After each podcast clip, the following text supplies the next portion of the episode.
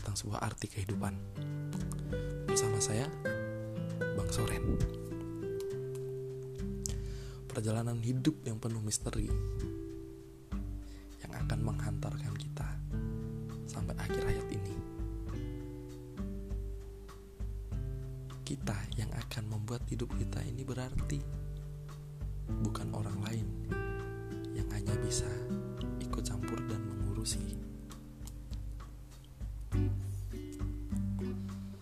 Punya sedikit cerita tentang sebuah arti kehidupan. Arti sebuah menerima tentang sebuah kekecewaan.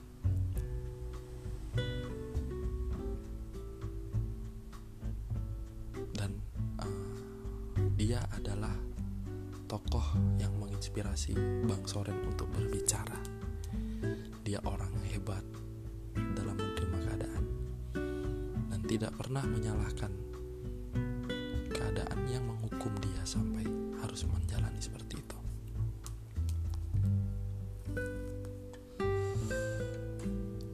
Suatu saat kami sedang duduk bercerita tentang masa sekolah seperti biasa orang-orang ketika bertemu dengan teman sekolah berbicara tentang hal-hal yang bodoh yang pernah dilakukan bersama ketika duduk di bangku sekolah dan suatu saat dia nyeletuk. Kenapa ya? Kok semua orang yang aku kenal itu ngecewain? Dengan santainya saya jawab apakah saya termasuk yang mengecewakan? Bukan bukan itu kata dia tuh. Dia langsung menjawab dengan tegas untuk menjaga perasaan saya kali. Emang ada apa? Saya nanya seperti itu kan? Nah dia langsung bercerita seperti ini. Ini sih cerita dia. Uh, dia selalu percaya sama seorang atau siapa pun itu yang datang ke kehidupan dia. Baik itu teman yang baru kenal pasangan rekan bisnis semua. Dan sampai di suatu masa di mana semesta mendukung untuk uh, dia melangkah menjalankan apa yang dia yakini ya, dia mempercayai beberapa orang yang tidak dia ketahui latar belakangnya yang dia tidak ketahui dia dari keluarga mana. Dan bahkan ada salah satu orang yang dia tuh tahu cerita dia punya latar belakang buruk. Ya saya tanya dong. Jadi udah tahu ada latar belakang buruk kenapa kok tetap aja percaya gitu? Dia mengeluarkan jawaban yang membuat saya speechless. Di mana dia menjawab ya saya tidak akan menjudge dan menilai atau melebeli orang dari cerita orang lain karena sifat manusia itu kalau dititipin kata-kata itu bertambah dititipin uang berkurang. Jadi saya lebih memilih untuk mengalaminya itu sendiri tanpa takut rugi tanpa takut dikecewakan. Karena saya merasa beruntung ketika saya harus uh, kehilangan beberapa nominal atau kehilangan kepercayaan sebelum saya kehilangan semuanya. Itu jawaban dia. Uh, saya coba sedikit merasionalkan pikirannya. Ya kalau bisa tidak harus kehilangan kenapa harus kehilangan? Karena dunia ini nggak ada orang yang mau kehilangan kan? Dan dia menjawab level manusia itu ada beberapa tingkat tertinggi adalah di mana dia bisa ikhlas dengan apa yang diambil dari dirinya. Yang itu haknya tapi diambil. Emang seberapa kehilangan sih? Dengan penuh penasaran saya tanya dengan teman saya ini. Kebetulan ya saya dan teman saya ini dekat tapi jauh jauh jauh lokasinya. Jadi ketemu ya kami akrab ya setelah itu ya kehidupan sehari-hari ya kami masing-masing gitu loh dengan kesibukan yang berbeda. Semengecewakan apa? Dan saya sempat kaget dengar cerita dia. Saya baru tahu dan baru per kali ini dengar ada orang itu transfer uang dia terima uang dari orang lain untuk dia. Uang ini untuk dia dan sudah punya dia. Tapi ditransferkan ke orang lain gitu. Itu antara bodoh atau saking percayanya nggak tahu lah saya. Tapi dia uh, berdasarkan ceritanya dia percaya. Ya kalau saya sendiri sih menilainya bodoh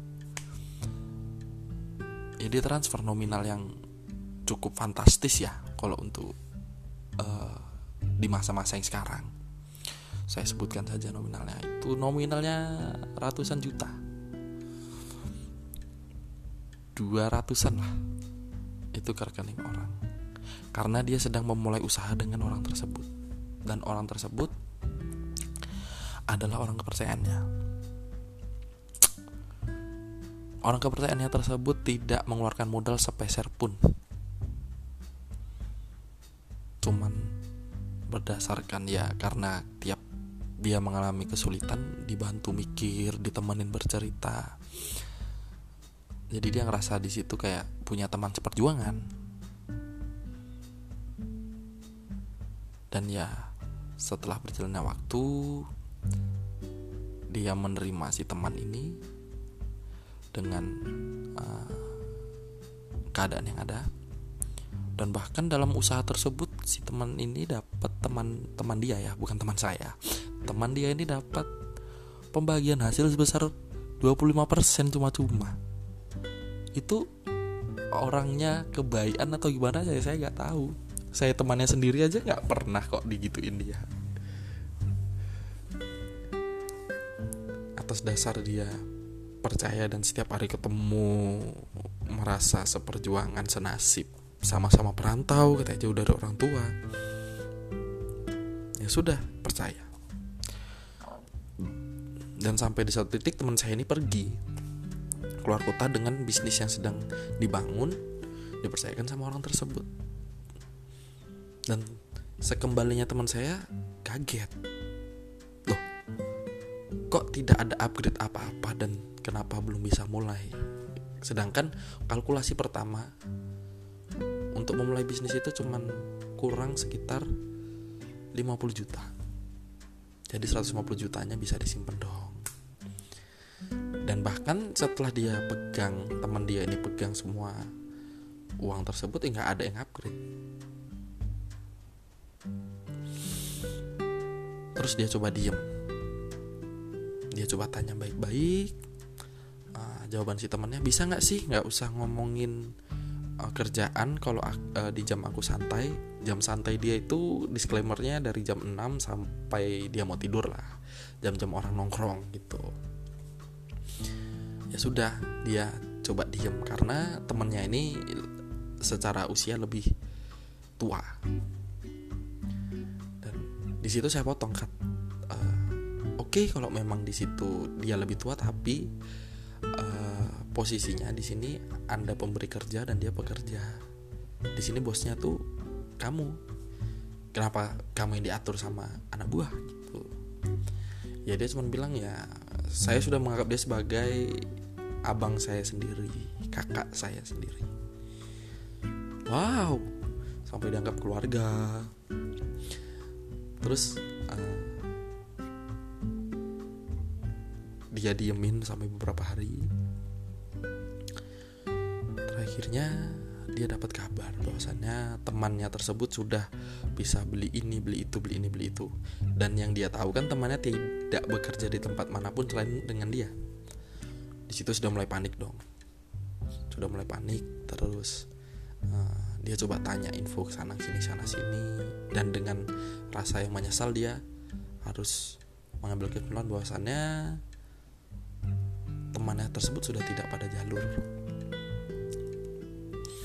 Ya menurut saya sih yang namanya orang ya ketika melihat uang yang di depan mata gitu itu bisa merubah sifat seseorang dan tujuan. Kalau menurut saya sendiri dan saya bilang ke dia. Tapi uh, entah kenapa dia itu tetap membela temannya tersebut. Bahwasannya dia masih percaya aja gitu. Sampai di suatu saat temannya ini marah. Karena uh, dia denger uh, kabar-kabar burung bahwasannya teman saya ini ngomongin tentang dia. Bahwasannya dia itu sudah mencuri. Ah, bukan mencuri sih uh, apa ya menyelewengkan uang. Dia nggak terima temannya ini kita sebut aja temannya biar gampang ya. Kita sebut aja panggilannya uh, Budi. Nah, Budi kan nama pasaran. Si Budi ini nah, si Budi nggak terima. Marah-marah. Di dibikin instastory tentang teman saya. Teman saya ini kita sebut aja uh, Arya. Dia bikin story tentang Arya. Bahwasannya uh, Arya tidak menjalankan tugasnya sebagai pemberi project tidak memberi uh, hak si Budi. Padahal uang segitu banyak ditransfer semua ke rekening si Budi. Sampai di suatu titik di mana si Arya ini sudah benar-benar males dan nggak peduli dengan uang itu. Dan nggak peduli dengan apa yang dia pikir dengan budi apa yang budi pikir tentang dia. Karena niat dia cuma mau membantu kan. Ya sudah sampai di satu saat dia si Arya ini udah nggak mikir tentang uang tersebut dia nongkrong sama temennya. Eh ketemu sama temennya si Budi dan nanya dong teman si Budi ada apa sih antara Arya dan Budi? Padahal Arya dan Budi ini biasanya ke mana-mana berdua lengket kayak orang pacaran lah. Ya dia cerita tentang apa yang terjadi. Kok ya kebetulan Budinya datang ke situ ke tempat mereka. Dia datang marah nodongin pistol. Maksud kamu apa? kata si Budi ke Arya. Kok berani-berani ya ngomong bahwasannya saya uh, menyelewengkan uang? Dengan santainya Arya ketawa dan menjawab ya kalau tidak merasa ya udah. Tapi ya saya ada bukti pengiriman. Kalau memang apa dibalikin aja uangnya gitu.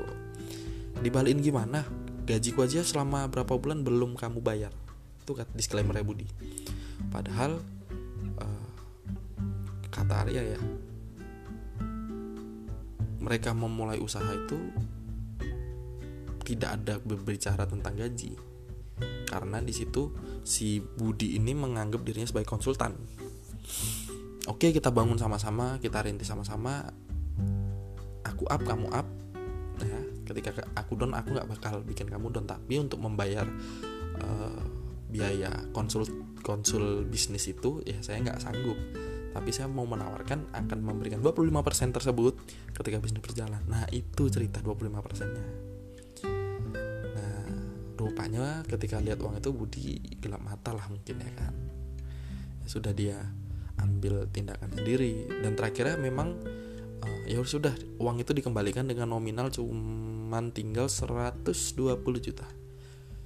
Nah si Arya dan si Budi ini sudah berjalan tiga bulan. Tiga bulan berarti menghabiskan uh, menghabiskan biaya 80 juta untuk si Budi. Wow. Kerjaan apa cuy? 80 juta untuk tiga bulan. Berarti satu bulannya itu 25 juta lebih.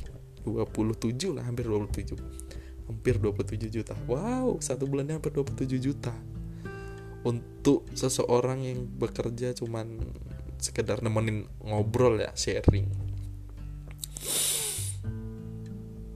Dan uang itu diterima Arya dan Arya cuma bilang ya sudah mungkin dia perlu uang itu. Segampang itu padahal dia bukan orang kaya dia nggak orang kaya. Bahkan dia sama orang tuanya sendiri aja nggak dianggap gitu loh kayak uh, ya udah lepas sana urus sendiri hidupmu orang tuanya kebetulan sudah pisah. Ayah dan ibunya ibunya nikah lagi ayahnya nggak mau tahu. Dan dia sama saudaranya juga jauh nggak akrab. Ya bisa dibilang kasarannya uh, broken lah broken home. Senyum dengan senyum dia memulai usahanya sendiri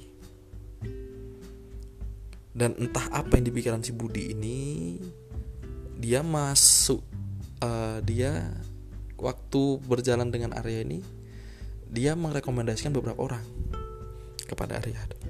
Dan kalau saya jadi Arya saya tidak akan pakai orang dari Budi lagi. Tapi si Arya tetap pakai.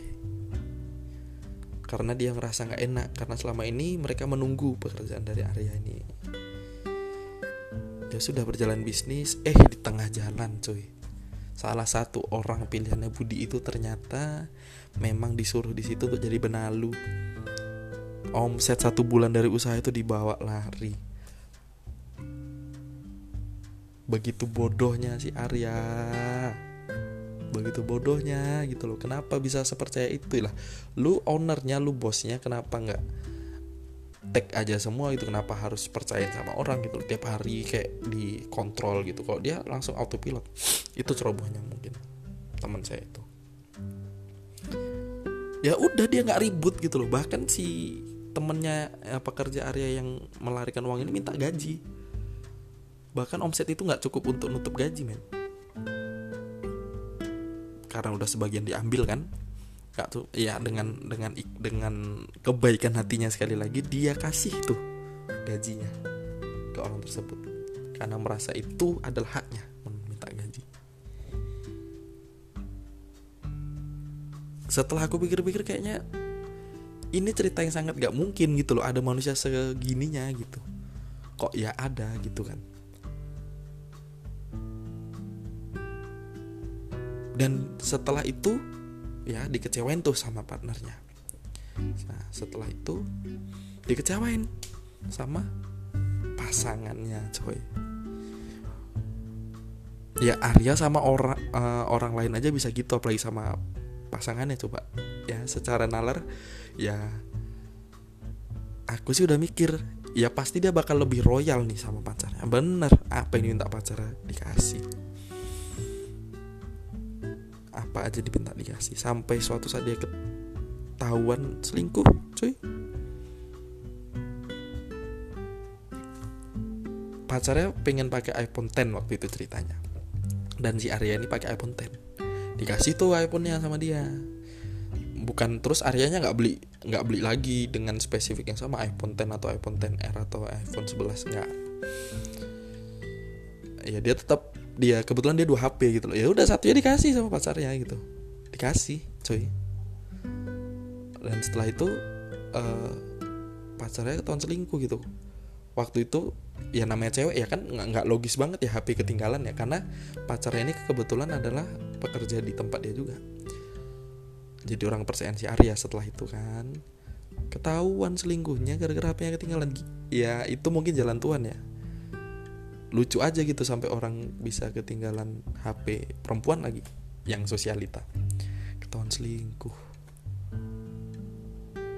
Pada malam itu juga cerita dia. Dia beli itu uh, tiga botol anggur merah dua botol Jack True satu botol Red Label dan dia habisin itu dalam setengah jam. Setelah itu dia ngomong sama tembok saking frustasinya dia ngomong sama tembok. Itu uh, ada beberapa pekerja dia yang masih di situ sampai sedih loh lihat dia sampai sedih. Ngobrol sama tembok ngobrol sama bantal. Wow. Aku yang sebagai temannya aja kayak yang udah berteman di sama dia itu dari 2013 dari 2013 sampai 2021 aku dengar ceritanya. Itu udah memakan waktu 8 tahun ya aku nggak pernah lihat lihat sampai segitunya. Lihat dia sampai segitunya nggak pernah. Hebat nih manusia-manusia yang nyakitin dia pikir saya. Dan pelajaran terbaik yang saya pelajari dari Arya endingnya dia bilang gini sekecewa apa pun sama orang jangan pernah berhenti percaya kepada orang dan kita nggak akan pernah tahu dan kita nggak akan pernah bisa batasin berapa banyak kita akan mengalami kecewa. Itu adalah seleksi alam. Ketika kamu berhenti percaya kepada seseorang sama aja kamu sudah berhenti menghargai hidup. Karena kita hidup dari sebuah kepercayaan itu aku lihat dia masih bisa ngomong kayak gitu kayak wah anjir nih orang. Terakhir ketemu sebelum ketemu yang terakhir kemarin aku ketemu sama dia. Itu udah hampir satu tahun yang lalu. Apa mungkin sih satu tahun itu dia berubah segitunya kan gitu? Apa yang dia sampai dia bisa sampai ke level itu? Dan di akhir cerita ya itu sedikit merubah cara pikir saya sih yang selama ini. Kalau dikecewain orang kita jadi langsung uh, mengignore orang lain atau orang baru yang datang dan melebeli wah semua orang sama aja. Semua perempuan sama saja. Eh enggak ding. Kalau itu biasanya sih perempuan ya yang bilang semua laki-laki itu sama saja. Itu sedikit merubah cara pikir saya cara pandang saya. Kalau tidak mau dikecewakan jangan di dunia ini mati aja gitu loh. Nggak akan ada yang ngecewain mati aja udah. Makanya itu kalau kita berhenti percaya sama orang itu itu pesan dari Arya. Kalau kita berhenti percaya dengan orang ya orang baru ya jangan yang udah pernah ngecewain terus kita percaya lah itu bodoh namanya. Ada orang baru datang ya kita percaya aja. Karena di agama juga ngajarin kita harus berprasangka baik kan dengan orang. Ketika kita berhenti percaya sama orang sama aja kita mati. Ya emang bener cuman di kematian cuman di uh, akhir hayat ini tidak ada yang ngecewain kita. Itu benar-benar mind blowing bikin aduh error lah. Kayak pertentangan batinnya tuh ngena banget gitu loh. Antara bodoh sama baik karena itu beda tipis. Salut respect sama teman saya itu. Dan bahkan ketika dia ngalamin itu dia nggak langsung cerita berkeluh nggak dia simpen sendiri. Pas ketemu saya cuma sekedar basa-basi aja dia cerita itu. Dan karena ceritanya sudah lewat kan. Dan podcast ini saya dedikasikan untuk dia. Penghormatan setinggi-tingginya. Dan rasa kagum sedalam-dalamnya untuk beliau. Dan saya tergerak untuk itu. Kenapa saya karena memang dari kemarin pengen mulai podcast kan. Setelah dengar dia terus kayak wow uh, aku aja bisa pikirannya tuh bisa berubah gitu kan. Jadi karena memang saya pengen me, apa jadi bisa berbagi ke orang sharing gitu kan. Cerita dari Arya lah yang menguatin saya untuk coba berbagi iseng-iseng berbagi di sini. Ya jika lo teman-teman yang dengerin suka teman-teman yang dengerin terus jadi tergerak hatinya terbuka terketuk pintu hatinya jadi berubah jadi orang yang gampang dari orang yang gampang curiga jadi jadi berprasangka baik terus. Itu mah balik ke diri kalian masing-masing dan mungkin itu bakal itu ya itu yang saya akan saya harapkan. Dan itu balik ke teman-teman lagi. Gimana menjalani hidup? Karena hidup adalah pilihan kita podcast ini hanya sekedar referensi. Ketika mungkin teman-teman dikecewain ada kok nggak cuman kalian yang pernah dikecewain. Banyak di luar sana yang bisa yang pernah dikecewain. Ya cukup sekian cerita dari saya. Uh, mungkin uh, bisa sedikit menghibur untuk teman-teman dan akan ada kelanjutannya cerita-cerita selanjutnya. Selamat malam selamat beristirahat mimpi indah dan semoga terus tetap semangat. See you and God bless